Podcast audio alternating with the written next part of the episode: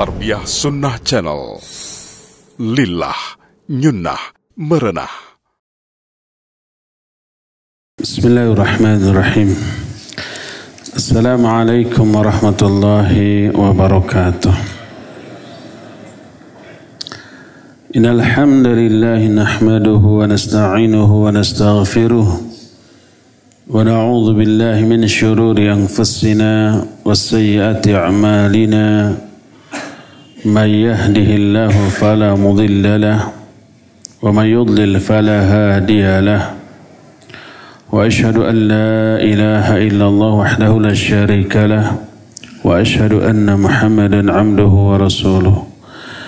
يا أيها الذين آمنوا اتقوا الله حق تقاته ولا تموتن إلا وأنتم مسلمون وبعد Hadirin jamaah Masjid Raya Cipaganti Bandung yang Allah muliakan. Alhamdulillah kita kembali berjumpa untuk melanjutkan bahasan tentang buah manis dari keikhlasan. Salah satu di antara buah manis bagi keikhlasan adalah ghufranu. Diampuninya dosa-dosa. Banyak hadis tentang hal ini yang diterangkan oleh para ulama seperti perkataan Syekhul Islam Ibn Taimiyah dalam kitab Minhajus Sunnah. Beliau berkata, ونوع الواحد من العمل قد يفعله الإنسان على وجه يكمل فيه إخلاصه وعبوديته لله فيغفر الله له به كبائر Kata beliau, ada satu jenis amalan yang dilakukan oleh manusia yang di dalamnya terkandung kesempurnaan ikhlas dan penghambaan diri kepada Allah. Lalu Allah Azza wa Jalla mengampuni dosa-dosa besar orang tersebut. Walaupun amal yang dilakukannya mungkin enteng atau dianggap kecil oleh kebanyakan manusia. Salah satu contohnya adalah hadis tentang bitaqah. Bitaqah itu artinya kartu. Orang yang penuh dosa, nyaris tak memiliki kebaikan. Kecuali satu, yaitu ikhlas dalam bertauhid. Allah Azza wa Jalla memanggil orang tersebut lalu dibentangkan di hadapan orang tersebut 99 jilid buku. Isi buku itu adalah daftar dosa-dosa orang tersebut.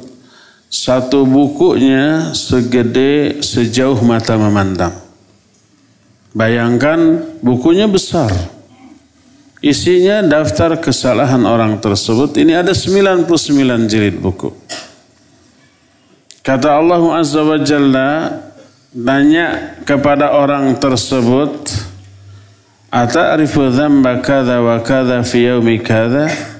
kamu mengakui dosa-dosa kamu di hari anu di hari anu sebagaimana yang tertulis di buku ini. Dia bilang bala ya Rabbi. Iya saya mengakui semuanya. Apakah ada uzur enggak yang menyebabkan kamu terhapus dosa-dosa besarmu dalam buku ini tidak ada Apakah malaikat pencatatku dolim enggak? Ada dosa yang tidak dilakukan tapi, tapi kok tertulis? Tidak ada. Hal indaka hasanah. Apa kamu punya kebaikan enggak yang bisa me, me, apa, menghapus dosa-dosa ini? Orang itu menjawab tidak. Bayangkan, tidak memiliki kebaikan sedikit pun. Seluruh dosanya dia akui. Benar yang tercantum di dalam buku itu betul dia lakukan. Dan dia tidak memiliki satu faktor pun penghapus dosa besarnya. Apa kata Allah Azza wa Jalla? Bala inna laka indana hasanah. Ya, menurut kami kamu itu memiliki satu kebaikan. Lalu dikeluarkanlah bitaqah. Bitaqah itu kartu. Kartu kan kecil ya. Di dalamnya terkandung dua kalimat syahadat asyhadu an la ilaha illallah wa anna muhammadar rasulullah. Ditimbang. Kata orang ini, Ya Rabbi, ma, hadhi, ma, ma hadhil bitaqah ma hadhi sijilat. Ya Allah, apa arti dari kartu ini beserta 99 jilid buku tersebut? Allah menjawab, Annaka la tudlamul yaum. Kamu hari ini tidak akan dizalimi. Kamu akan diperlakukan secara adil disimpanlah kartu yang kecil berisi syahadat la ilaha illallah tersebut, kalimat tauhid tersebut di satu daun timbangan dan 99 jilid buku itu disimpan di timbangan yang lain. Secara logika, secara zahir mestinya lebih berat ke mana? Ke buku itu tebal 99 gede, ini cuma satu kartu. Tapi apa yang terjadi? Fatashat as-sijilat wa thaqulatil bitaqah. Ringanlah buku tadi dan beratlah kartu tadi. Dan ternyata lebih berat ke kartu. Akhirnya dosa yang seuduk-uduk itu dihapus oleh satu kebaikan yang terkandung la ilaha illallah. Berkata Syekhul Islam Ibn Taimiyah ketika menerangkan hadis ini, "Fahadhihi halu man qalaha bi ikhlasin wa sidqin kama qalaha hadha syakhs." Wa illa fa ahlul kabair alladzina dakhalun nar kulluhum kanu yaquluna la ilaha illallah. Kata beliau, inilah keadaan orang yang mengatakan la ilaha illallah dengan ikhlas dan benar. Kalau tidak ada keikhlasan, maka banyak sekali ahlul kabair yang masuk ke dalam neraka padahal mereka mengatakan la ilaha illallah. Mungkin ribuan kali setiap malam. Tapi tetap dimasukkan ke dalam neraka. Karena apa? Tidak ada unsur keikhlasan ketika mengatakannya. Motivasi mengatakan la ilaha illallah untuk mengejar dunia. Kenapa kamu tiap malam sepuluh ribu kali la ilaha illallah? Biar dagangan saya laris. Biar pangkat saya cepat naik. Biar uh, kejombloan saya cepat berakhir. Kan gitu rata-rata. Berzikir la ilaha illallah dengan motivasi dunia Ikhlas apa tidak? Tidak, tidak ikhlas. Tidak ikhlas karena Allah subhanahu wa ta'ala. Ini hadis yang pertama. Kedua, hadis tentang seorang wanita pelacur yang memberi minum seekor anjing yang kehausan. Anjing itu hampir mati karena kehausan dia menjilat-jilati debunya. Dalam hadis sahih riwayat Imam Muslim pelakunya adalah wanita pelacur. Dalam hadis riwayat Imam Bukhari dan Imam Muslim pelakunya seorang laki-laki yang ahlul kabair. Pelaku dosa besar. Dia pemabuk, dia penjudi, dia juga pezina. Nah kalau versi yang Bukhari Muslim yang laki-laki dia kehausan terus menemukan sebuah lembah yang di dalamnya ada air. Dia turun dengan susah payah lalu dia minum. Pas naik kembali didapatilah seekor anjing yang menjilat-jilat batu-batu debu-debu karena kehausan. Hampir mati karena kehausan. Dia berkata anjing ini hampir mati tercekik rasa haus seperti yang aku alami tadi. Kalau nggak dikasih minum pasti mati. Akhirnya dia pun turun lagi ke bawah membuka khufnya atau sepatunya digigitlah sama mulutnya lalu naik merangkak secara susah payah ke atas lalu diberikan minum itu ke anjing.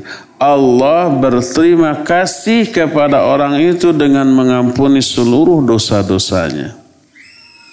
Kalau versi hadis riwayat Imam Muslim seorang wanita pelacur dia berjumpa dengan seekor anjing yang kehausan di dekatnya ada sebuah sumur, maka dia sobek himarnya.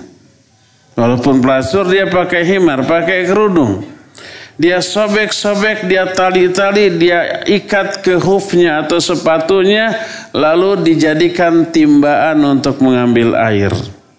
Kemudian diangkat dan diberikan airnya itu kepada anjingnya. Kemudian fayagfirullah Allah subhanahu wa ta'ala fayagfirullah bihi mengampuni dosa wanita itu karena memberikan air kepada anjing yang kehausan. Ketika membahas hadis ini para ulama di antara Syekhul Islam Ibn Taimiyah menyatakan yang menjadi penyebab diampuninya dosa wanita pelacur tadi bukan memberi minumnya tapi keikhlasan yang terkandung di dalam perbuatannya tanpa pamrih. Apa yang diharapkan dengan memberi minum seekor anjing? Tidak ada. Apakah anjing itu akan membayar perbuatannya? Tidak. Ikhlas karena Allah Azza bukan sekadar memberi minum seekor anjing. Maka karena keikhlasan dan pengorbanannya dia sampai merobek kain kerudungnya dipakai untuk menimba air dengan sepatunya lalu diberikan kepada anjing itu. Dua poin itu keikhlasan dan perjuangannya. Itu yang menyebabkan.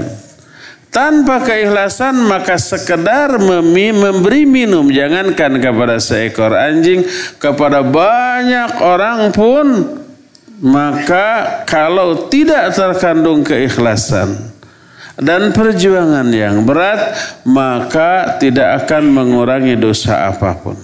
Maka hadis tadi tidak bisa dipakai dalil untuk para pelacur seusai malamnya berzinah mencari nafkah dengan cara yang haram, besoknya mencari anjing yang kehausan.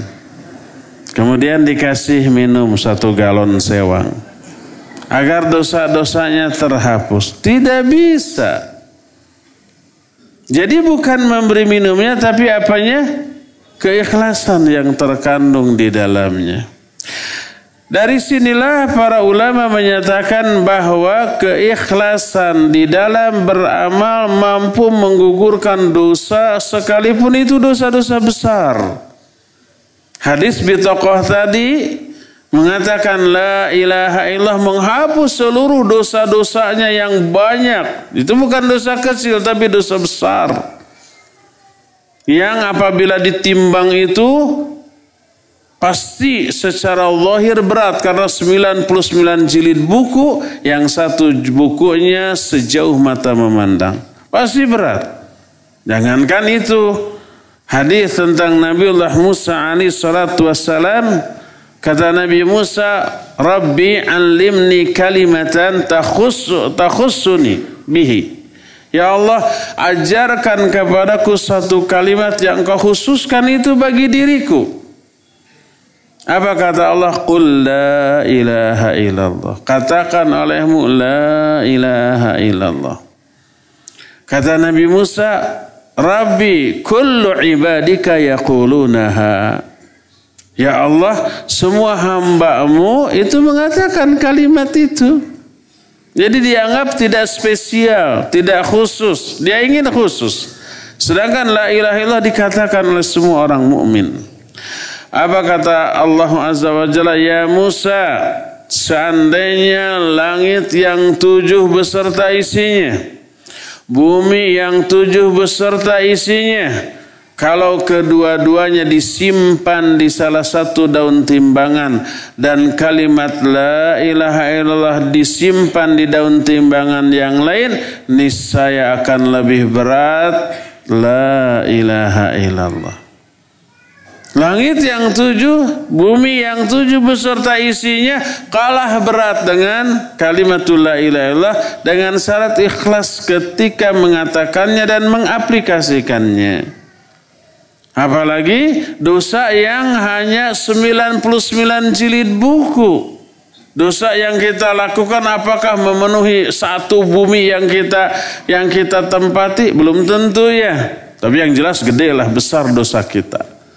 Tapi memenuhi langit, oke okay, katakanlah memenuhi langit. Tapi ada langit pertama. Ini tadi langit tujuh langit beserta isinya, tujuh bumi beserta isinya masih kalah oleh keikhlasan yang terkandung dalam kalimat La ilaha illallah. Maknanya sebesar apa pun dosa yang dilakukan oleh manusia bisa terhapus dengan kalimat tauhid la ilaha illallah yang dikatakan secara ikhlas.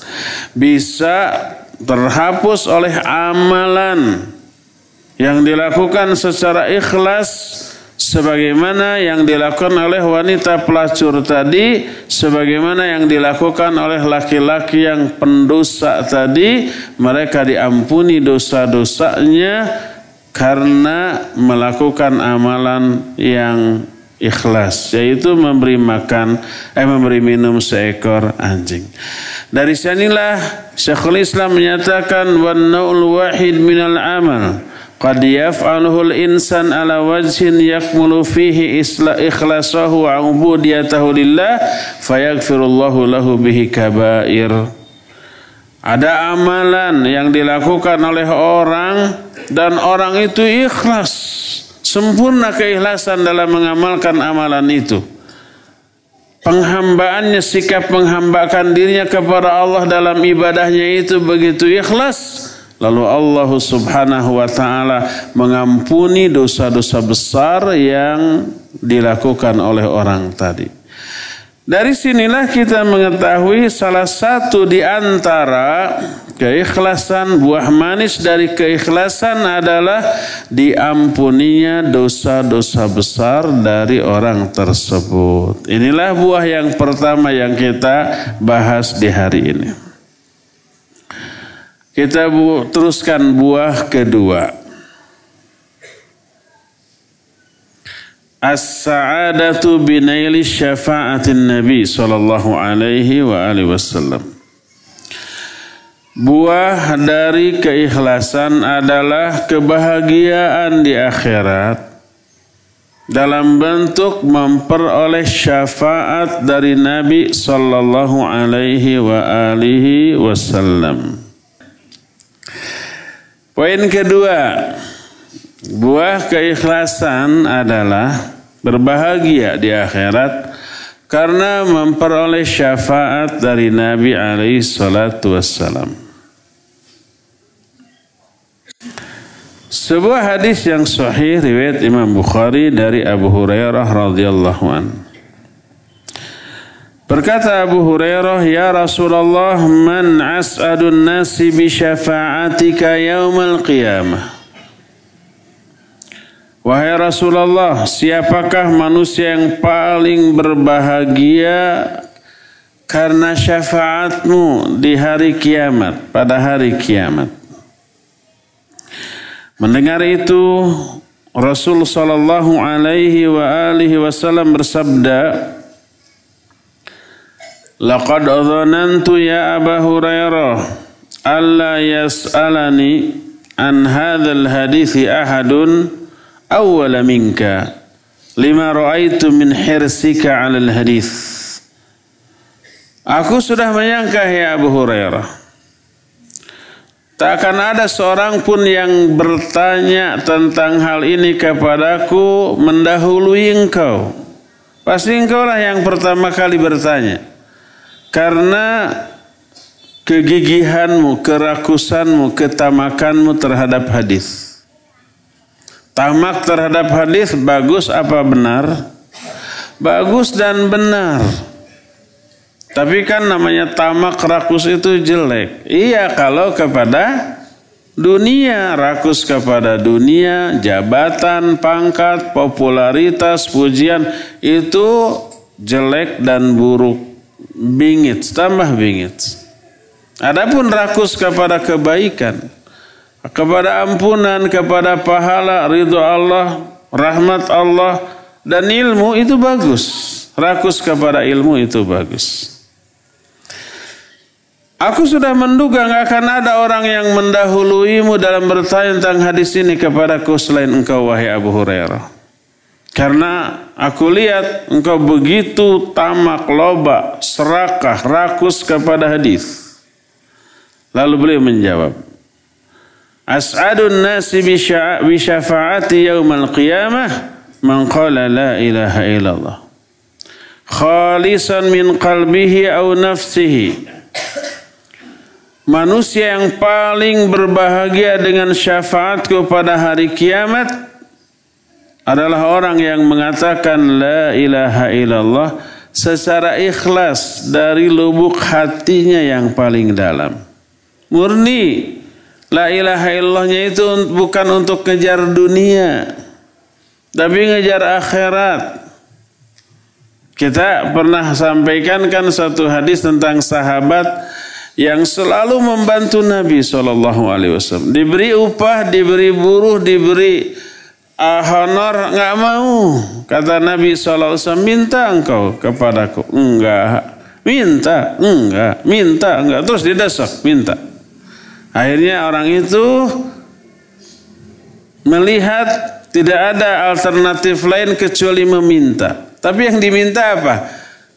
Dia menyatakan as'aluka aku minta kepadamu kepada Nabi Ali sallallahu alaihi wasallam liurafiqaka fil jannah yaumal qiyamah.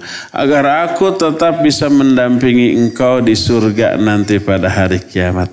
Tetap saja yang dimintanya apa? Akhirat. Murni tulus itu. Apalagi mengatakan la ilaha illallah sebagai fondasi dari agama kita dalam diri kita.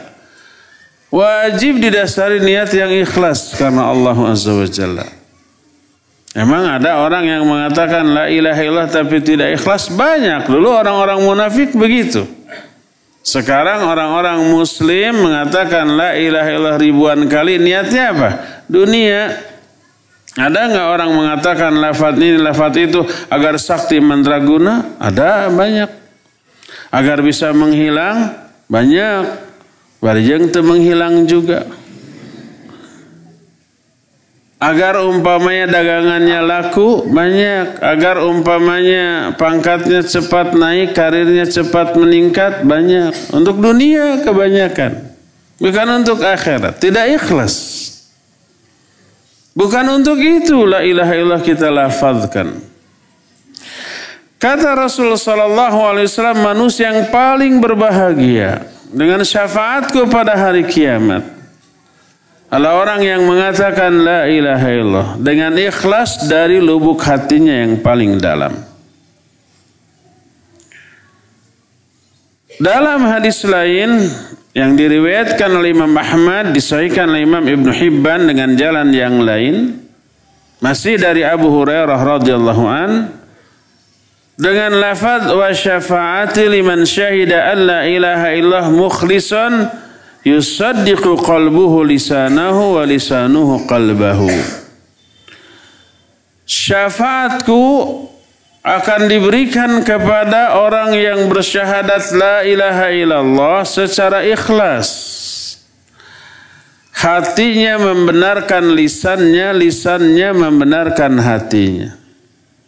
Jadi antara lisan dengan hati dan anggota badan itu selaras.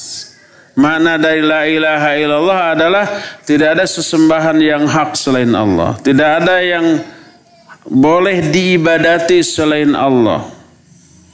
Itu hatinya, mulutnya, anggota badannya itu sinergi, uh, berapa selaras. Banyak orang yang mengucapkan la ilaha illallah dengan lisannya tapi perbuatannya menghancurkan ucapannya itu sendiri. La ilaha illallah ribuan kali tapi dia minta ke kuburan. Dia berdoa kepada orang yang sudah mati. Katanya la ilaha illallah. Tapi berdoa kepada selain Allah. Padahal doa ibadah bukan ibadah. Ad-du'a huwal ibadah. Itu yang sahih. Kalau hadis dengan lafad ad-du'a mukhul ibadah itu dhaif. Yang sahih ad-du'a huwal ibadah. Doa itu adalah ibadah. Kepada siapa ibadahnya? Ya kepada siapa doa itu ditujukan. Kalau beribadahnya kepada Allah, eh, berdoanya kepada Allah berarti dia sedang berdoa kepada Allah. Makanya tidak boleh berdoa kepada selain Allah sekalipun kepada malaikat. Umpamanya kita tahu yang ditugaskan membagi rizki siapa? Malaikat siapa? Mikail. Menurunkan hujan, menumbuhkan tumbuh-tumbuhan gitu kan? Lalu kita minta wahai malaikat Mikail turunkan hujan. Boleh tidak? Tidak boleh. Syirik menduakan Allah dalam hal berdoa. Dikabul nggak oleh malaikat Mikail? Nggak akan. Dan tidaklah malaikat Mikail menurunkan hujan atau menahan hujan. Menumbuhkan tumbuh-tumbuhan atau menahan tumbuhnya tumbuh-tumbuhan kecuali atas instruksi dari Allah. Kalau Allah nggak nyuruh nggak akan mungkin berbuat. Makanya mintanya bukan kepada malaikat Mikail tapi kepada Allah Subhanahu wa taala. Maka meminta kepada malaikat atau siapa pun makhluk sehebat apa pun tidak boleh. Apalagi meminta kepada para nabi yang sudah wafat. Apalagi yang di bawah para nabi, para aulia, para solehin yang sudah wafat. Apalagi kepada orang biasa, bukan orang soleh sudah wafat lalu dimintai doanya. Maka tidak boleh. Betapa banyaknya manusia yang lisannya mengatakan La ilaha illallah tapi perbuatannya menghancurkan ucapannya dengan cara beribadah, berdoa, meminta kepada selain Allah. Padahal Nabi SAW menyatakan syafaati liman syahida an la ilaha illallah mukhlisan yusaddiqu qalbuhu wa lisanahu wa lisanuhu wa lisanuhu qalbahu. Syafaatku akan diberikan kepada orang yang syahadat la ilaha illallah secara ikhlas, hatinya membenarkan lisannya, lisannya membenarkan hatinya selaras. Apa yang dimaksud dengan syafaat di sini? Kita tahu syafaat itu banyak jenisnya. Ada syafaatul uzma. Tapi itu bukan khusus bagi orang-orang muslim. Semua manusia dapat asyafaatul uzma. Asyafaatul uzma itu syafaat yang teragung yang hanya dimiliki oleh Nabi SAW, Nabi yang lain tidak. Yaitu ketika manusia merasakan penderitaan dikumpulkan di alam mahsyar, di padang mahsyar. Ingin cepat diproses lepas dari keadaan itu. Lalu mereka minta syafaat kepada Adam alaihissalatu wassalam, tidak bisa. Nuh tidak bisa. Ibrahim tidak bisa. Semua tidak bisa Ah, yang terakhir siapa? Nabi Muhammad sallallahu alaihi wasallam. Baru beliau memberikan asyafaatul uzma dan Allah mengizinkan. Bukan itu syafaat yang dimaksud di dalam hadis ini. Tapi syafaat yang dimaksud adalah syafaat khusus bagi umatnya, bagi orang muslim. Tapi khusus bagi orang-orang muslim yang berdosa besar yang difonis masuk neraka karena banyaknya dosa. Bukan untuk orang-orang soleh. Karena kalau orang-orang soleh mah tanpa syafaat Nabi pun akan akan selamat. Yang paling butuh kepada syafaat adalah orang yang durhaka, yang berdosa besar. Nabi saw menyatakan, Inna syafaati li ahlil kabairi min ummati. Sesungguhnya syafaatku diperuntukkan bagi orang-orang yang berdosa besar dari kalangan umatku. Kalau kita mau bantu uang, siapa yang kita bantu? Orang beruang atau orang miskin? Orang miskin. Kalau kita mau umpamanya membantu mengangkatkan barang yang berat, yang kita bantu yang tenaganya kuat atau yang lemah? Yang lemah, yang nggak bisa ngangkat. Nah syafaat itu seperti itu. Bukan untuk orang-orang yang beriman dan beramal soleh. Yang dengan iman amal solehnya menyebabkan mereka itu masuk surga. Itu nggak perlu syafaat Nabi SAW. Tapi yang lebih perlu adalah orang-orang yang berdosa besar. Berkata Imam Ibn Hajar rahimahullahu taala kitab Fathul Bari Syarah Sahih Bukhari, kata beliau, "Wal muradu bi hadhi syafa'atil mas'ul anha huna ba'du anwa'i syafa'ah wa hiya allati yaqulu sallallahu alaihi wasallam fiha ummati ummati fayuqal in taliq faman kana fi qalbihi mithqalu habatin min burrah aw sya'irah min iman fa akhrijhu minha. Ay minan nar. Yang dimaksud dengan syafaat yang diminta di dalam hadis ini adalah hanya sebagian syafaat saja. Sebagian syafaat saja. Bukan seluruh syafaat. Itu syafaat yang oleh Nabi SAW diminta kepada Allah ketika Nabi SAW melihat di neraka ada banyak umatnya yang masuk ke sana. Beliau berteriak, berseru, ummati, ummati. Itu umatku, itu umatku. Lihat kepedulian beliau. Kepada siapa? Kepada umatnya. Sekalipun umatnya masuk neraka itu pasti karena durhaka ya. Tetap beliau itu peduli Umatku, umatku. Kata Allah, intalik pergilah engkau ke sana. Faman kana fi qalbihi mithqalu mithqalu habbatin min burrah aw sya'irah min iman fa akhrijhu minha. Siapa orang yang di dalam hatinya ada iman sebesar burrah atau sya'irah? Burrah itu biji gandum yang sudah di dipurak dipesek, naon purak pesek. Jadi apa? Dikupas tinggal isinya. Kecil apa besar? Kecil. Atau syairah. Kalau syairah itu yang masih apa namanya? Masih dengan dengan cangkangnya, dengan kulitnya. Siapa saja di kalangan umatmu yang masuk neraka. Dia ada iman walaupun sebesar biji, biji gandum. Keluarkan olehmu dari api neraka. Lalu dikeluarkan. Nah, itu syafaat Nabi Shallallahu Alaihi Wasallam. Berbahagia atau tidak? Berbahagia. Mana sih yang lebih berbahagia? Orang yang selama ini punya uang. Karena punya uang nggak ada kekurangan, senang apa bahagia dia? Senang dan juga bahagia. Apa orang itu yang lebih berbahagia atau orang yang tadinya miskin nggak punya apa-apa tiba-tiba diberi ini? Mana yang lebih berbahagia? Yang kedua ya, yang miskin asal ditonjok congcot seperti ketiban durian runtuh asal nggak kena. Kalau kena kepala mah tuh nanti duriannya nggak kemakan harus ke rumah sakit. Tadinya nggak punya uang, kelaparan, kehausan, kesulitan, menderita gitu ya. Lihat orang makan minum cuma menelan ludah gitu ya. Cuma ini nggak ada terjemahannya. Kumetap. Ada yang bisa menerjemahkan kumetap. Jadi lihat orang makan, kita cuma hmm, itu kumetap namanya dalam bahasa Sunda. Apa bahasa Indonesia? Tergiur beda, tergiur kabita, kumetap. Sudah kumetap. Enggak. ada terjemahannya. Jadi ngiler beda lagi ngiler mangacai. Udah kumetap sudah. Gak punya uang, tiba-tiba diberi uang banyak. Senang apa bahagia? Senang, bahagia dan gembira. Itu yang lebih berbahagia. Gede mana kebahagiaannya dengan orang yang terbiasa punya uang?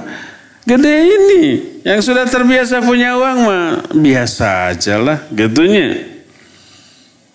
Oleh karena itu siapa yang lebih bahagia? Orang yang memang sudah karena kesolehannya, karena imannya masuk surga. Dengan orang yang masuk dulu ke dalam neraka, wah di, diazab, disiksa dengan siksaan yang dahsyat lalu diangkat diselamatkan. Lebih berbahagia ini. Bahagia karena lepas dari penderitaan, ya. Berdasarkan hal itulah maka berkata Imam Ibnu Hajar fas'adun nas bihadhi syafa'ah may yakunu imanuhu akmala mimman dunahu Orang yang paling bahagia dengan syafaat ini adalah orang-orang yang imannya sempurna dibanding orang-orang yang sebelumnya tetapi orang yang uh, memiliki iman yang yang kurang. Terjerumus dalam dosa dan maksiat lalu dijebruskan terlebih dulu ke dalam neraka kemudian diselamatkan oleh Nabi alaihi salatu wassalam maka perasaan bahagia orang ini jauh lebih besar. Walaupun kenikmatan di surganya berbeda kualitas kenikmatan dan tingkatan surga orang-orang yang beriman dan beramal soleh jauh lebih tinggi dibanding orang-orang yang ahlul kabair tadi yang pernah ke neraka. Tapi kebahagiaan karena lepas dari api neraka adalah sesuatu yang luar biasa. Wa amma syafa'atul uzma min al-irahati min karbil mawqif fas'adun nasi biha man yasbiqu ila al-jannah wa humul ladhina yadkhulunaha bighairi hisab. Adapun syafaat syafaatul uzma. Syafaatul uzma ini syafaat yang paling agung. Berupa apa? Berupa dilepaskannya orang dari kesulitan pada alam mahsyar di padang mahsyar. Maka manusia yang paling berbahagia ketika itu adalah manusia yang paling awal masuknya ke dalam surga mereka lah orang-orang yang masuk ke dalam surga tanpa dihisab terlebih dahulu. Tanpa dihitung-hitung, diperiksa terlebih dahulu langsung masuk ke dalam surga. Dan jumlah orang-orang yang masuk ke dalam surga tanpa hisab di kalangan kaum muslimin berapa? Berapa orang? 4,9 miliar orang. Karena Nabi SAW meminta tambahan. Tadinya 70 ribu orang di kalangan umatku. 70 ribu itu sedikit apa banyak? Sedikit dibanding seluruh jumlah kaum muslimin dari zaman itu sampai hari kiamat. Berapa triliun kaum muslimin ya? Ada nggak triliunan kira-kira? Mungkin ada sampai nanti. 70 ribu adalah sedikit. Lalu Nabi SAW minta tambahan, jangan cuma 70 ribu. 70 ribu waktu kuotanya habis oleh para sahabat aja ya. Para sahabat aja lebih dari 70 ribu orang. Ratusan ribu orang. Kuota mereka juga nggak cukup. Maka Nabi SAW minta tambahan dan dikasih dari setiap satu orang dari 70 ribu itu ditambah 70 ribu orang lagi. Dari setiap satu orang. 70 ribu kali 70 ribu. Berapa? 7 kali 7? 49. 70 ribu itu kan nolnya 4. Jadi nolnya ada 8. 4, 9 dengan nolnya 8. Berapa? 4,9 miliar atau 49 miliar? Ya, 4,9 miliar. Lumayan. Ada harapan semoga Allah memasukkan kita ke dalam surga tanpa hisab, ya. Walhasil kesimpulan dari penjelasan yang ini adalah anna fi qawlihi as'ad. Isyaratun ila ikhtilafi maratibihim fi sabaq. Ila dukhul bi ikhtilafi maratibihim fil ikhlas. Perkataan orang yang paling berbahagia dengan syafaatku mengisyaratkan berbedanya tingkatan manusia dalam hal giliran masuk ke dalam surga. Semuanya bergantung pada kualitas keikhlasan mereka. Semakin ikhlas, semakin cepat. Semakin ikhlas pahala dari amalan yang sedang dilakukan karena ikhlas itu semakin gede pahalanya. Semakin ikhlas maka dosa-dosa yang terhapus akibat amal yang ikhlas tadi juga terhapusnya semakin besar, semakin banyak. Maka siapa orang yang paling ikhlas, dia yang paling pertama lepas dari penderitaan di alam mahsyar. Dia yang paling lebih dahulu masuknya ke dalam surga dibanding orang-orang yang kadar keikhlasannya di bawah tersebut. Berkata Syekhul Islam rahimahullahu taala yang beliau jelaskan dalam kitab Majmu'ul Fatawa. Kata beliau fatilka syafa'atu fi ahli al-ikhlas bi'idznillah laysat liman asyraka billah wa la takunu illa bi'idznillah wa haqiqatuhu anna Allah huwa alladhi yatafaddalu ala ahli al-ikhlas wat tauhid فيغفر لهم بواسطة دعاء الشافع الذي أذن له أن يشفع Syafaat tersebut adalah syafaat bagi orang-orang yang ikhlas dengan izin Allah. Bukan bagi orang-orang yang menyekutukan Allah. Dan mati dalam keadaan sedang menyekutukan Allah. Tidak tobat dari perbuatan syirik tersebut.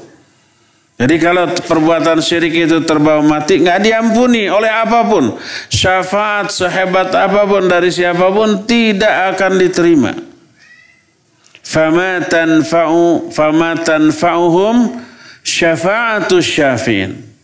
Tidak bermanfaat bagi mereka syafaat pemberi syafaat siapa pun bagi mereka kalau syirik. Innallaha la yaghfiru ayyushraka bihi wa yaghfiru ma duna dzalika Allah tidak akan mengampuni dosa syirik kalau dosa itu terbawa mati dan tidak ditobati. Tapi kalau sebelum mati tobat diampuni nggak dosa syirik itu? Diampuni.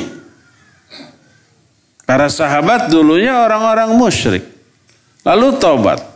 Meninggalkan syiriknya berganti dengan tauhid dihapus dosanya. Jadi ayat yang menyatakan Allah tidak akan mengampuni dosa syirik kalau dosa itu terbawa mati. Adapun dosa selain syirik walaupun terbawa mati mungkin diampuni. Dengan berbagai macam penyebab. Mungkin penyebabnya banyaknya kebaikan yang dia lakukan. Termasuk di antaranya syafaat dari orang. Termasuk syafaat dari Nabi SAW. Maka kata Syekhul Islam, syafaat ini bagi orang-orang yang ikhlas, bukan bagi orang-orang yang syirik. Wala takunu illa biiznillah tidak akan terberikan syafaat kecuali dengan izin Allah. Wa haqiqatuhu dan hakikatnya adalah Allah lah yang telah memberikan karunia kepada orang-orang yang ikhlas dan bertauhid lalu Allah Azza wa Jalla mengampuni orang lain karena doa orang yang ikhlas dan bertauhid tersebut. Berdasarkan hal itulah maka orang itu mulia dan termuliakan dan bisa memuliakan orang lain dengan syafaatnya. Orang yang ikhlas, orang yang memperoleh syafaat baik dari nabi, dari malaikat atau dari orang lain dan dia juga bisa memberi syafaat kepada orang-orang yang memang tidak terlarang, tidak terhalang untuk memperoleh syafaat. Jangankan kita, atunya Nabi SAW pun tidak bisa memberi syafaat atau ampunan kepada orang yang paling dekat dengan dirinya, kepada Aminah ibunya, kepada ayahnya, bapaknya, kepada Abu Talib, semuanya mati dalam keadaan syirik. Maka Nabi tidak bisa menyelamatkan. Dalil tentang hal itu banyak sahih riwayat Imam Muslim dan tidak bertentangan dengan ayat mana pun. Ketika Nabi SAW mau menaklukkan kota Mekah beliau singgah dulu di sebuah desa namanya Abwa. Di sana ibundanya Fa, siapa Aminah meninggal dikuburkan. Beliau menangis. Kata Umar, maafkah ya Rasulullah? Apa yang membuat engkau menangis ya Rasulullah? Beliau menjawab istadantu Rabbi li an astaghfir li ummi wa lam ya'dhan li. Aku meminta izin kepada Allah untuk memintakan ampunan bagi ibuku tapi dia tidak mengizinkan. Allah tidak mengizinkan. Wasta'dzantu rabbi li an azura qabraha fa'adhinali. Lalu aku minta izin kepada Allah agar aku dibolehkan menziarahi kuburannya dan Allah membolehkan. Fazurul kubur fa innaha tudzakirukumul akhirah. Maka ziarah kuburlah kalian karena ziarah kubur itu mengingatkan kalian kepada akhirat. Ini menunjukkan boleh kita menziarahi kuburan orang-orang kafir, orang-orang musyrik. Boleh. Nabi SAW melakukan itu. Ya, ada seorang, ya Rasulullah, Aina abi, wahai Rasulullah, di mana bapakku sekarang? Bapaknya itu sudah mati dalam keadaan syirik. Kata Rasul Sallallahu Alaihi Wasallam, huwa finnar, dia dalam, berada dalam neraka. Orang itu sedih menangis falam mawalla ketika dia berpaling ketika dia mau pergi dipanggil lagi oleh Nabi SAW lalu beliau bersabda inna abi wa abaka finnar. Sesungguhnya ayahku dan ayahmu dua-duanya di dalam neraka. Dan ini hadis yang sahih yang menyatakan orang-orang terdekat Nabi SAW, orang tuanya termasuk pamannya yang mati dalam keadaan syirik, tidak bisa ditolong, tidak bisa diberi syafaat oleh siapa pun, apalagi oleh kita, bahkan oleh Nabi SAW sekalipun. Ninas. Gak boleh kita umpama masa rahim yang melahirkan seorang manusia terbaik kok bisa masuk neraka. Itu logika dan perasaan. Ada nggak ayahnya durhaka ahli neraka, anaknya masuk surga ahli surga ada? Banyak. Contohnya Nabiullah siapa? Ibrahim. Beliau ahlu tauhid, ayahnya tukang bikin patung. Itu yang nggak boleh masa kan Nabi Ibrahim itu bibit buitnya itu dari ayahnya. Masa ayahnya yang bisa menyebabkan kelahiran Nabi Ibrahim masuk neraka. Itu pakai logika dan perasaan. Agama ini wahyu berdasarkan nas Al-Quran atau hadis yang sahih. Gak boleh bawa-bawa perasaan dan logika dalam hal ini ya. Terima apa adanya apa yang dijelaskan oleh nas baik Al-Quran ataupun hadis yang sahih. Kita sedih ya sedih. Orang tua Nabi SAW berada dalam neraka berdasarkan nas hadis ya. Nabi SAW sampai menangis. Dibolehkan hal itu sedihnya menangisnya. Tapi Allah lebih tahu mana yang lebih layak dikesurgakan atau dikenerakakan. Mana yang lebih layak untuk diberikan hidayah atau diberikan atau disesatkan. Inna rabbaka huwa a'lamu biman dhalla an sabilihi wa huwa a'lamu biman ihtada dalam ayatin bil muhtadin Allah lebih tahu siapa orang yang layak diberi hidayah dan siapa orang yang layak untuk disesatkan. Inilah buah dari keikhlasan yaitu apa? Bisa meraih syafaat Nabi Shallallahu Alaihi Wasallam pada hari kiamat nanti. Ya, inilah dua buah yang kita bahas pada siang hari ini. Pertama adalah ampunan dan yang kedua syafaat. Cukup penjelasan kita sampai di sini. Insya Allah kita akan lanjut di uh, hari yang akan datang. Subhanakallah wa sallallahu nabiyina Muhammadin wa ala alihi wa ashabihi wasallam. Assalamualaikum Ustaz. Waalaikumsalam warahmatullah. Ustaz apakah benar apabila dalam gerakan sholat Dalam setiap gerakannya lamanya harus seimbang? Enggak. Berdiri lebih lama daripada ruku. Ruku lebih lama daripada itidal. Dan begitulah seterusnya. Mungkin nggak sujudnya lebih lama daripada duduk dan rukunya? Mungkin. Kalau dalam sujudnya apa? Berdoa dengan doa yang panjang ya. Jadi tidak benar harus seimbang. Tidak ada dalil harus seimbang. Di waktu rukunya 10 detik, sujudnya 10 detik. Jadi waktu sujud itu ngitung sama jari. Enggak. Lalu bagaimana kalau mau berdoa dalam sujud dan doanya lama? Boleh.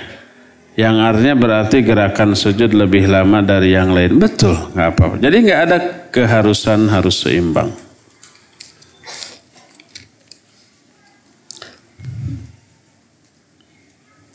Apa hukumnya kalau wanita safar tanpa mahram? Haram.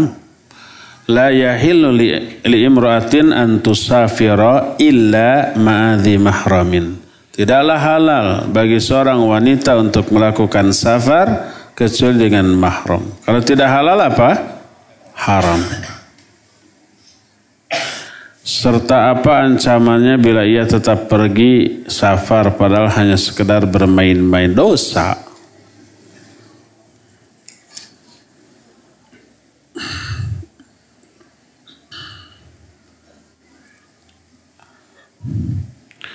Ana meminta nasihat bagaimana kiat-kiat agar Ana bisa tetap semangat menuntut ilmu syar'i di tengah kesibukan dunia yang begitu banyak.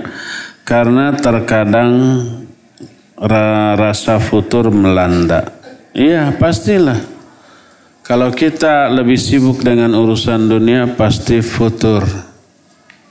Ada ikhwan atau akhwat, selama nganggur rajin ngaji sambil menyebar lamaran. CV disebar ke mana-mana. Ada yang nyangkut satu, kerja, berhenti ngaji. Yang lebih parah, ahwat itu ketika ngaji berjilbab syar'i. Setelah dapat kerja dibuka. Tapi pas libur ngaji lagi, pakai sadar lagi. Ada yang begitu. Dia lebih mengutamakan kehidupan dunia daripada akhirat. Kalau dunia ini pastilah ditinggalkan. Akhirat itu pasti kita akan alami. Dunia ini sementara, akhirat sementerus selama-lamanya ya. Bagaimana caranya? Pertama, cari dunia secukupnya. Sis, apa kemudian sempatkan, bukan harus mencari waktu luang, tapi luangkan waktu untuk ngaji kalau umpamanya dia pakai mobil selama di jalan kan macetnya beberapa menit setel radio. Bukan dangdut, tapi radio tarbiyah sunnah.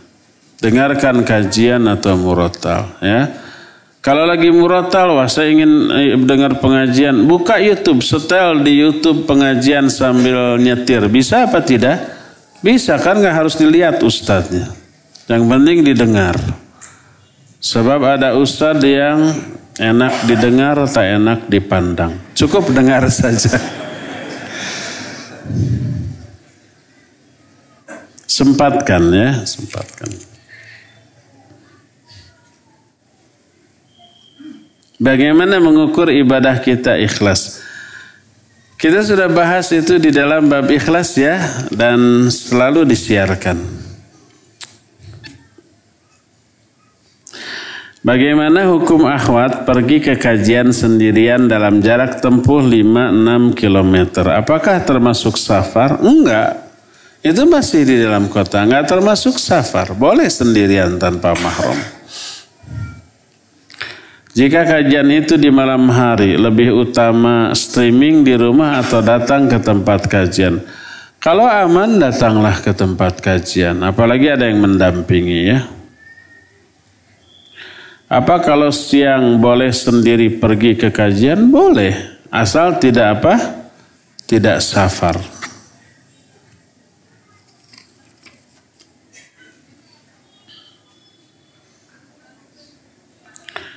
Apakah game yang di dalamnya terkandung unsur syirik seperti jurus-jurus sihir, karakter mitologi, dan ada penggambaran makhluk bernyawa itu haram, mau ada itu mau tidak haram tetap. Bagaimana jika Anda berniat untuk refreshing saja, bukan untuk percaya unsur-unsur tersebut?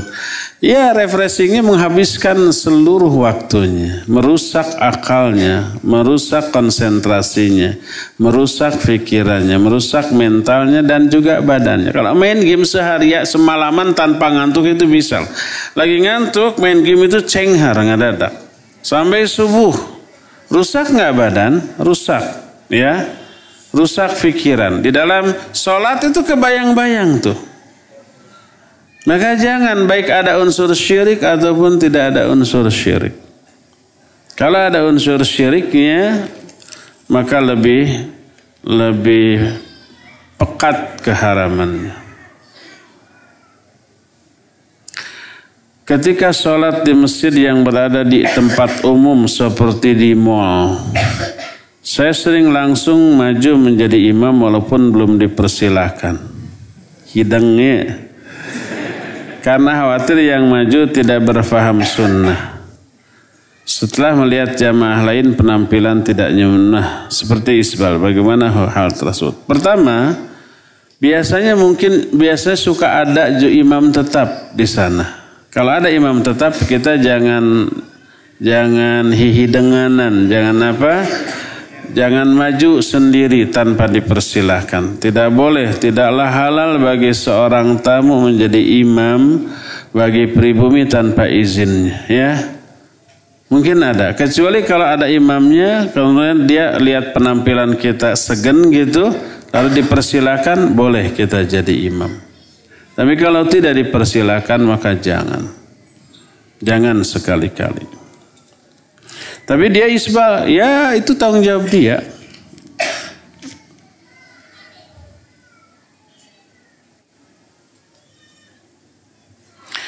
Bagaimana kaitan penjelasan diampuni dosa tadi dengan ayat di surah Al-Zalzalah sebesar biji zarah diperhitungkan. Iya, فمن يعمل مثقال ذرة خيرا يره ومن يعمل مثقال ذرة شرا يره itu maknanya setelah dikalkulasikan antara dosa dan pahala. Jadi dosa dan pahala itu ditimbang. Kalau lebih banyak pahala, dosanya lebih sedikit, dosanya terhapus. Yang ada saldo adalah pahalanya. Fa'amma man thaqulat mawazinu fahuwa fi radiyah. Orang yang berat timbangan pahalanya daripada dosanya, dia akan berada dalam kehidupan yang dia senang di dalamnya. Dosanya ke mana? Terhapus oleh kebaikannya. Innal hasanati yudhibnas sayyat. Ternyata sisa saldo pahala itu cuma sebiji sawi. Ya nggak apa-apa dibalas. Itu yang dimaksud. Sebaliknya sekarang lebih banyak dosa. Dosanya kalau dihitung umpamanya 101, pahalanya 100 umpamanya. Pahala yang 100 dipakai menghapus dosa yang 100. Ada sisa dosa saldo 1. Dan kecil sebesar darah tetap akan dibalas. Itu yang dimaksud. Jadi dua ayat tadi tidak bertolak belakang, tapi lebih menjelaskan secara lebih rinci ya. Yang dimaksud kebaikan atau keburukan sekecil atom pun akan dibalas. Maksudnya adalah saldo setelah dikalkulasi. Itu akan dibalas tetap.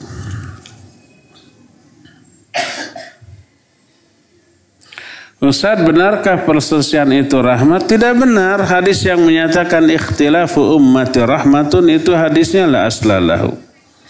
Hadisnya dhaif jiddan.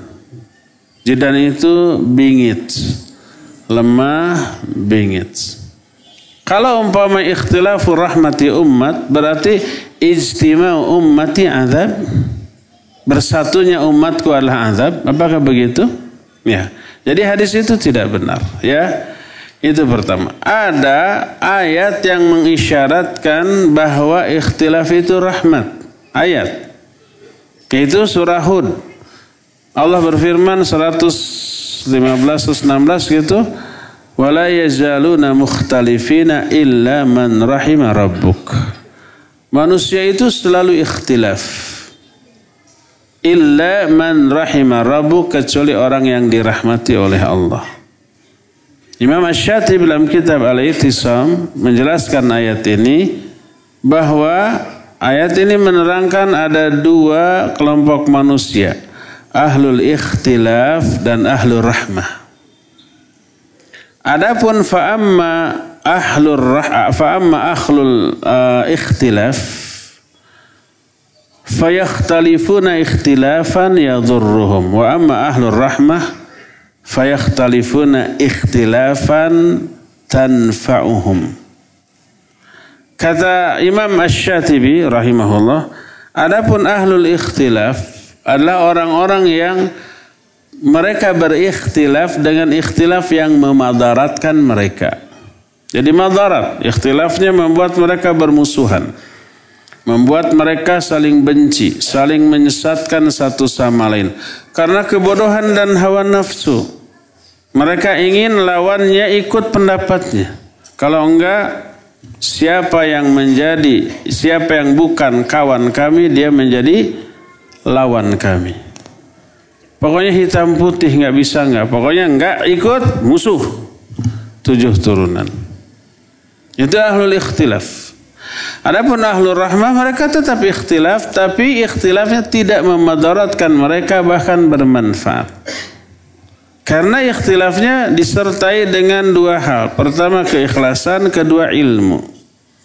Kalau ikhtilafnya dilandasi dua hal ini tidak akan madarat. Itu yang terjadi di kalangan para ulama. Ulama ikhtilaf apa tidak? Ikhtilaf. Seringkali tadad. Tadad itu apa? Patojai ya apa? E, bertubrukan e, berbenturan kontradiktif. Ha, kontradiktif. Dari tadi nggak keluar keluar kontradiktif. Ikhtilaf yang kontradiktif yang berbenturan yang nggak bisa di, di, di, disatukan. Tidak bisa dikompromikan Contoh kata Imam Syafi'i kunut subuh itu sunnah. Kata Imam Ahmad kunut subuh itu bid'ah. Sunnah dengan bid'ah bisa dikompromikan tidak? Itu musuh gerut. Apakah Imam Syafi'i dengan Imam Ahmad saling benci, saling memusuhi, saling menyesatkan? Enggak, dua-dua saling menghargai dan menghormati. Ketika ketemu tegar lut. Imam Ahmad itu sampai-sampai tidak berani menelonjorkan kedua kakinya mengarah ke rumah Imam Syafi'i. Nggak, mau, nggak berani. Saking hormat kepada Imam Syafi'i rahmatullahi alaih.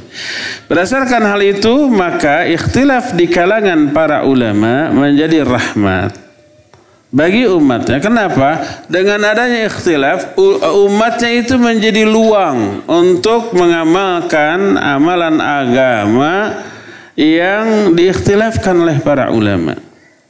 Ada yang berpendapat begini, ada yang berpendapat begitu. Ah, saya ngambil pendapat ini dan hormat kepada pendapat yang begitu. Bersatu dalam perbedaan. Ya ada permusuhan dan kebencian. Ya kamu begitu sholat teh, kak saya mah begini. Udah misah. Nggak begitu. Sekali lagi ambil pendapat yang kita anggap paling kuat hujah atau dalilnya tetap hormat ihtiram menghargai pendapat yang tidak kita ambil baik pendapatnya maupun orang yang berbeda pendapat kita hargai kita tetap bersama yang menghisab itu Allah bukan sama manusia kalau yang menghisab itu lawan pendapat kita boleh kita ngotot ya enak saja menyalahkan saya ini surga neraka ya mana dalilnya silakan kalau memang penilaian orang terhadap ibadah kita itu menentukan surga nerakanya kita boleh berantem juga. Tapi yang menentukan itu Allah yang menilai Allah ya. Yang mem memfonis benar salahnya ibadah kita Allah Azza wa Jalla. Selama kita siap mempertemu mempertanggungjawabkan sikap dan pendapat kita lakukan walaupun jutaan orang mencela. Ini dalilnya jelas. Kamu mana gitu ya? Oh saya dalilnya gitu. Ya udah silakan lakukan.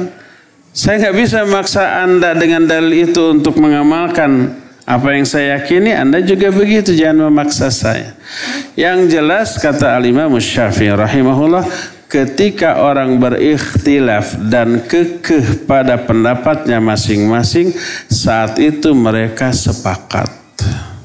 Sepakat dalam hal apa? Sepakat bahwa setiap orang beramal atas dasar ilmu yang sampai kepada dirinya masing-masing.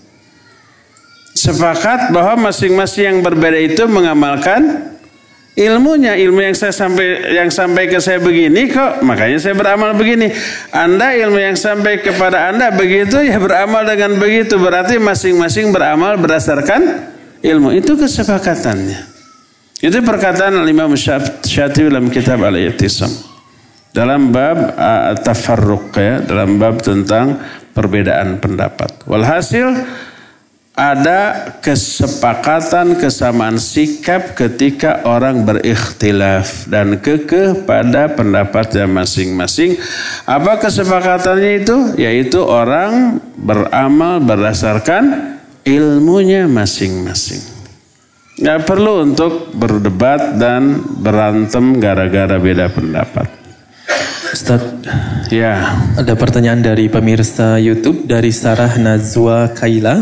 Assalamualaikum Ustaz. Assalamualaikum. Ana mau tanya, Ana sudah niat untuk pergi menuntut ilmu tapi ada problem. Ibu Ana sakit pas Ana mau berangkat. Kira-kira Ana harus pilih yang mana? Terus Ana berdosa nggak Ustadz kalau tidak menuntut ilmu? Syukran. Iya, batalkan menuntut ilmu, urus dulu ibunya. Urus dulu sampai ibunya sembuh benar dan bisa ditinggalkan secara leluasa walaupun sang ibu rela. Udah nggak apa-apa ibu bisa ngurus sendiri kamu pergi aja. Walaupun begitu batalkan. Urus dulu ibu. Dalam kondisi seperti itu ngurus itu ngurus ibu wajib. Menuntut ilmu bisa ditunda nanti. Mengurus ibu saat itu ketika sakit nggak bisa ditunda. Urus dulu ibunya sendiri Allah nanti akan mempermudah kita mencari ilmu setelah itu ya Wallahu a'lam.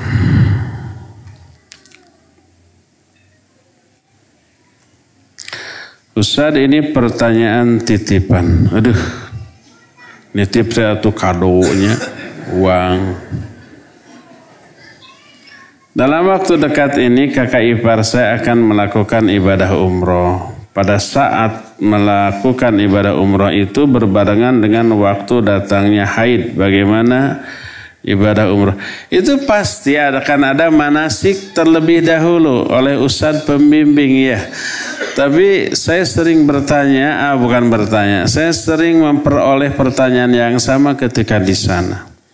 Dan oleh ustadz pembimbingnya diberi petunjuk yang salah. Jadi kalau umpamanya haid, umpamanya biasanya ya, biasanya. Kita ke Madinah dulu. Jadi nanti ngambil mikot di Bir Ali. Mikotnya orang Madinah. Mikot terjauh di antara seluruh mikot yang ada. Uh, tiga hari setengah di Madinah, hari keempatnya berangkat ke Mekah untuk umroh. Pas akhwat, akhwat ya, haid. Di hari pertama itu. Itu hari pertama haid ketika akan umroh. Sampai di Mekah dalam keadaan haid, di Mekah tiga setengah hari. Jadi setelah tiga setengah hari pulang. Sedangkan masa haidnya berapa lama? Enam atau tujuh hari. Jadi selama di Mekah haid terus ya. Kalau umpamanya begini, kalau umpamanya ahwat setelah begitu datang ke Madinah di hari pertama itu langsung haid, pas ke Mekah e, mau umroh, tetaplah dia ihram di Bir Ali ihram tetap. Tapi tidak sholat. Kalau yang lain-lain sholat tibir ali. Yang dia tidak. Tetap saja di sana dan tetap ihram tetap niat memulai umrah di sana dan bertalbiyah. Sampai di Mekah orang-orang umrah. Dia tidak boleh umrah. Dia harus nunggu sampai selesai haid. Ya begitu selesai haid dia mandi besar lalu umrah dan selama dia belum umroh, seluruh larangan ihram berlaku. Dia tidak boleh gunting kuku, dia tidak boleh memotong rambut, dia tidak boleh memakai parfum dan yang lain-lainnya. Pokoknya seluruh larangan umroh masih berlaku sampai dia suci, mandi besar, lalu umroh. Itu kalau masih sempat ya. Adapun kalau ini seperti kasus tadi, pas mau umroh itu hari pertama haid.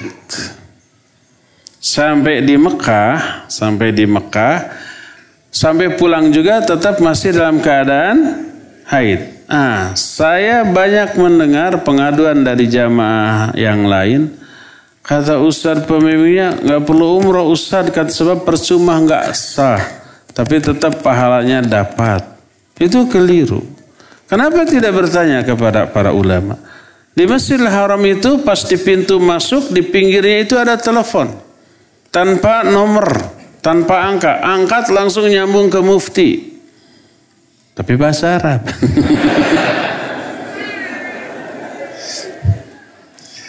Kasus ini pasti dialami oleh setiap pembimbing. Awal-awal saya membimbing mengalami itu liar, bingung. Ya langsung masuk ke sana ada telepon langsung.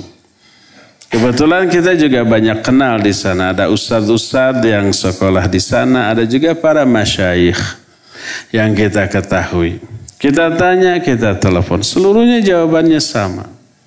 Ya, bahwa wanita yang haid dia harus menunda umrohnya sampai dia suci.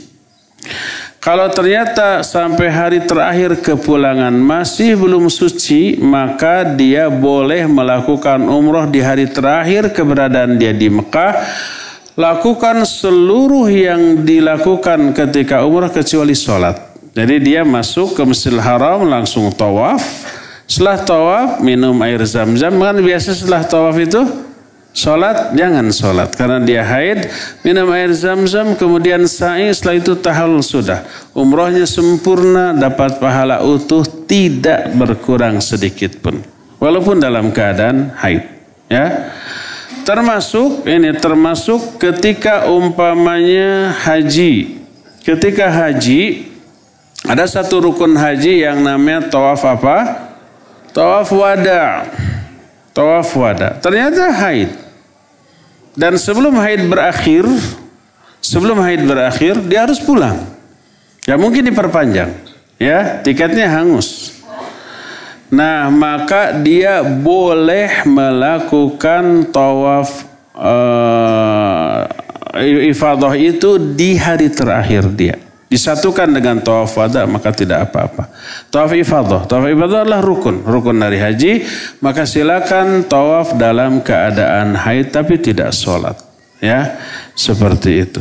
Itu mestinya dibahas di dalam manasik umroh. Ada tanya jawab semua kasus baik yang berdasarkan pengalaman yang terfikirkan walaupun tidak teralami gitu ya. Nah, kalau saya ketika menjelaskan manasik Seluruh kasus yang pernah terjadi diungkapkan. Mungkin terjadi lagi. Semuanya diterangkan dengan uh, penjelasan dan solusinya sehingga jamaah itu gamblang jelas. Tidak ragu, tidak ham-ham lagi ya. Ustaz, Afwan Ustaz. Iya. Ada pertanyaan dari pendengar. Anda mau bertanya bagaimana caranya menghilangkan maksiat dengan hawa nafsu yang sangat tinggi sampai sudah nyaman dengan maksiat itu. Syukran. Silakan Ustaz. Ada orang yang selalu ber, berkecimpung dalam maksiat dan merasakan kenyamanan. Ya pastilah nyaman, menyenangkan. Semua maksiat menyenangkan para pelakunya, ya tidak.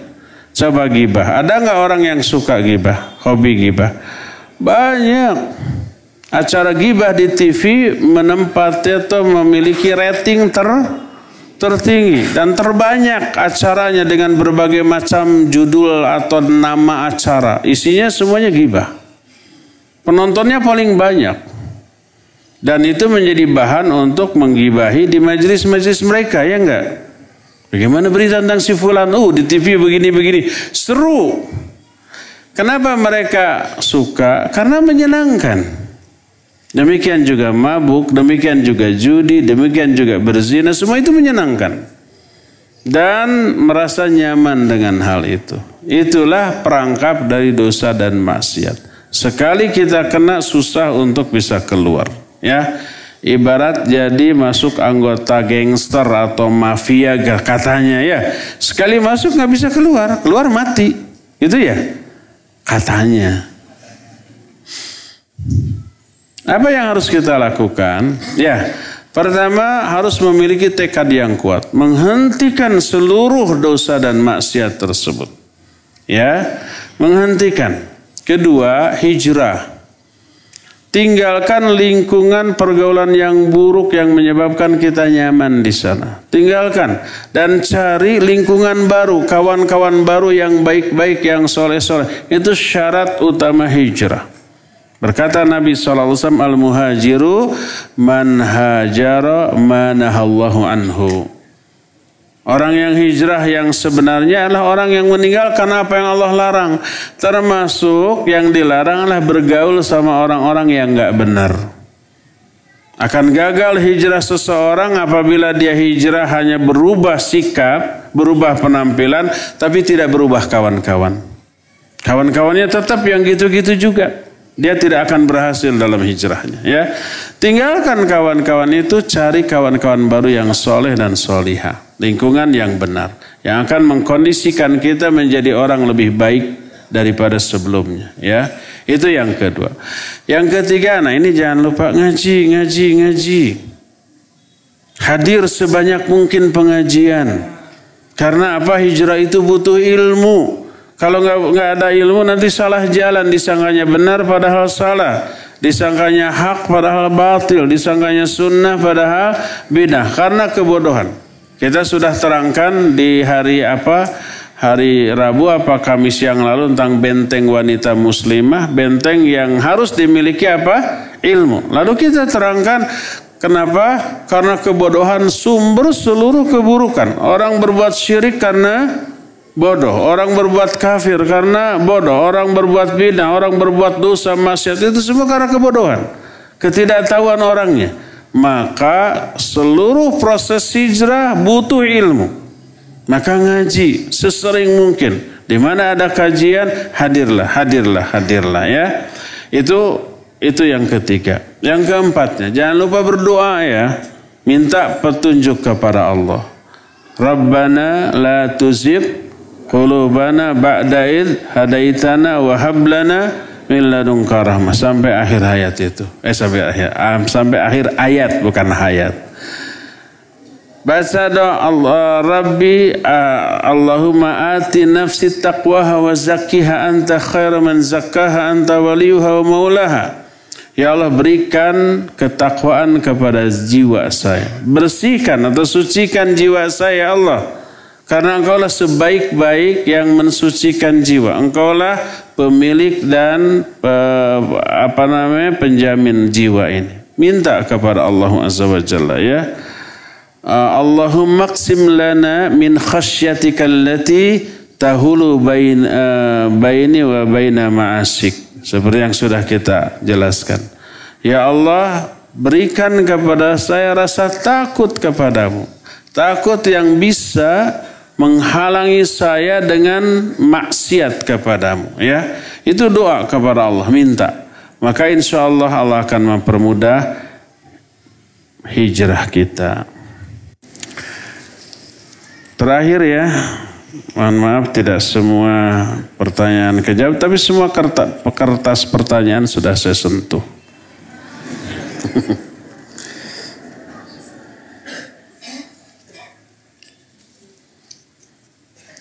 Terakhir sebelah sini deh.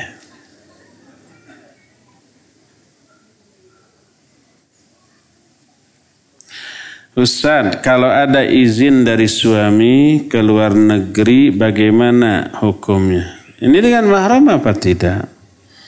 Kalau tidak dengan mahram, dua-duanya dosa. Suaminya dosa, istrinya dosa. Karena suaminya mengizinkan istrinya melakukan perbuatan dosa ya kecuali disertai dengan mahram umpamanya umroh tapi suaminya tidak bisa tapi istrinya ada mahram ayahnya, adiknya, kakaknya, pamannya atau siapa pun yang menjadi mahram untuk mendampinginya boleh. Tidak apa-apa, istri, istri suami mengizinkan. Adapun sendirian, jangankan untuk main-main. Untuk liburan, untuk berbisnis, untuk sekolah. Diizinkan oleh suaminya ke sana. Sendirian. Suaminya menanggung dosanya. Istrinya berdosa, suaminya juga berdosa. Ya, tidak boleh suami mengizinkan istrinya pergi ke luar negeri. Jangankan ke luar negeri, safar ke luar kota tanpa mahram maka tidak boleh. Yang mengizinkannya berdosa ya. Ya, sampai sini aja dulu ya. Insya Allah kita jumpa kembali di hari Selasa yang akan datang. Subhanakallahu bihamdik. Asyhadu an la ilaha illa anta astaghfiruka wa atubu ilaik walhamdulillahi rabbil alamin wa sallallahu ala nabiyina Muhammadin wa ala alihi wa ashabihi wasallam. Wassalamualaikum warahmatullahi wabarakatuh.